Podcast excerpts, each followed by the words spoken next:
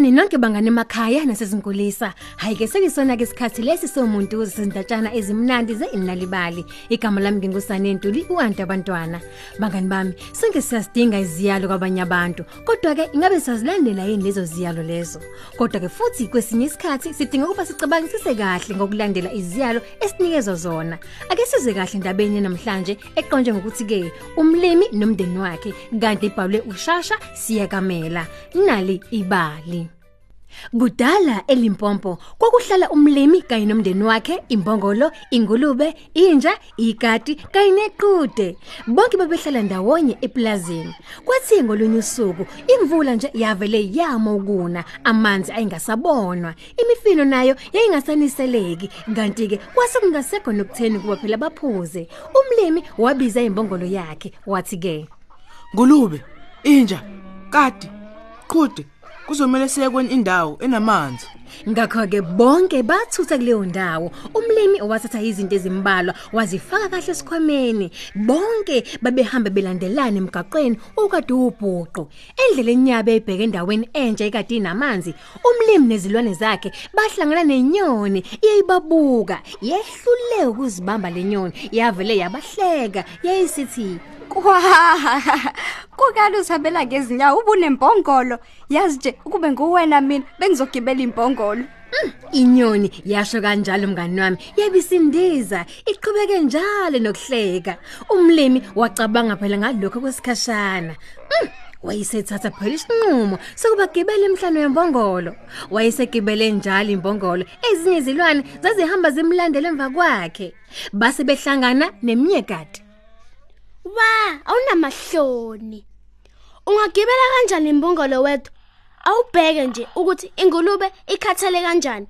Ikhala layo selidlela juluka. Mm, mngani wami ngaphambi kokuba ke imika tinyamalale nayo yavele yahleka futhi umlimi wama wacabanga wakade kushiyo lesisilwane nangempela yabuka ingulube yabona kungcono kuba agibele naye kwimbongolo Gibele. Gibele emhlane wembongolo. Nangempela ingulube yagibela emhlane wembongolo baqhubeka nokuhamba. Ekugcineni umlimi wabona umfula kodwa ke kwakade kusekude kuba finele kuwona. Sizoya lapha ya kude. Wayesho ekhomisa izilwane zakhe zonke zavuma zaqhubeka nokuhamba. Baphinda futhi bahlangana nojakalasi. Ungumlimi ongenazizwelo ngempela. Ungagibela kanjani nengulube yakho kuphela? Awubheke nje ukuthi nje ikhathele kanjani. Isiziya hefuzela. Kanti nekati lakho nalo seliyazihudula nje. Buka izimpaphe zeqhude lakho zonke seyiyawa manje.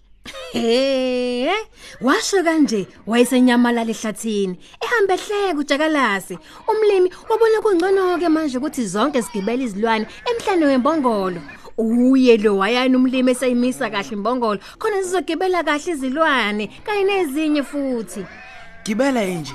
Nawe ngulube. Gibela kati nawe inja. Nangempela ikati lagibela lahlala phezukwenja nayo iyayihlezi phezukwe ngulube nengulube yayihlezi phezukwe mbongolo awuke ngemuva nje kukamlimi Gibela nawe qhude. Gibela nawe kati. Iqhude lagqumela phezulu kwekati elalihleli phezukwenja nayo eyayihleli phezukwe ngulube eyayihlezi emhlane wembongolo. Ngemuva kukamlimi baqhubeka njalo nohambo lwabo. Hayibo mngani wami besasondela nje eduzane nomfula kodwa imbongolo bakithi yayisikhathele bantu. Ngokungazelele nje babezihambela nje phambi kwabo kwakume unogwaja. Unogwaja wababuka wayesethi hawu uyindoda enenhliziyo yembi yenze nje imbongolo kangaka ukuthi ngazuyipanishe awu lapho ngiphuma khona mina wonke umuntu uphathwa kahle. Hey mngani wami washo kanjeni nogwaja wayesenyamalala ehlathini umlimi wacabanga wakusho nogwaja waphatheka kabuhlungu. Umlimi wayesefuna ukusho ukuthize kunogwaja mayelana nazo zonke izinto ezishiwo kuyena endleleni kodwa unogwaja wayesenyamalele ngasabona ndawo. Hawu ke mngani wami emva nje eh, kwamagqatha ambalwa ibongolo iyavele yama iyaguqa ngamadolo ayo iqhude nalo landiza ikati nalo lehlela phansi inja nayo yadilika mngani wami. Ingulube hawuke yayiginqike phela phansi. Umlimi naye wehlike sizilula phela ezinwaya ikhanda lakhe. Wabuka imbongolo yakhe kade kathele, wayekoyikhelela amanzi bantu. Umlimi wakhumbula zonke izinto ezikade zishiwo kuyena nasezilwaneni zakhe. Mhm. Wacabanga, wacabanga mngani wami. Wabona kungcono ukuthi angaphinde enze into esikade zishiwa abanye abantu. Kunalokho uzocabangisisa kahle kuqala ngaphambi kokuba enze. Uzotshela nezilwane zakhe atshelwa kona ukuze bathathe izinqumo ndawonye. Nangempela umlimi wabiza zonke izilwane zakhe okuyimbongolo, ingulube, inja, ikati kanye neqhude. Bonke bahlala phansi ngaphansi komthunzi wesihlahla samaganu. Besahlezi nje lapho umlimi wacela uqolo kwimbongolo yakhe bantu. Kusukela ngalelo langa bonke babangabangana abakhulu. Kusukela ngalelo langa dodo umlimi waziphatha kahle izilwane zakhe. Hayike sesifike emaphethelweni ohlelo lwethu inalibali ngendaba yethu yanamhlanje eqanje kanje umlimi kanye nomndeni wakhe obhalwe nguShasha Siyakamela kanti yaproducer nguSenzo Hlela emoyeni. Hawu mngani wami uyazi ukuthi ke ukufundela abantwana bakho izincwadi lokhu kungababeka ethubeni lakho ukuba benze kangcono phela emsebenzini yabo yesikole.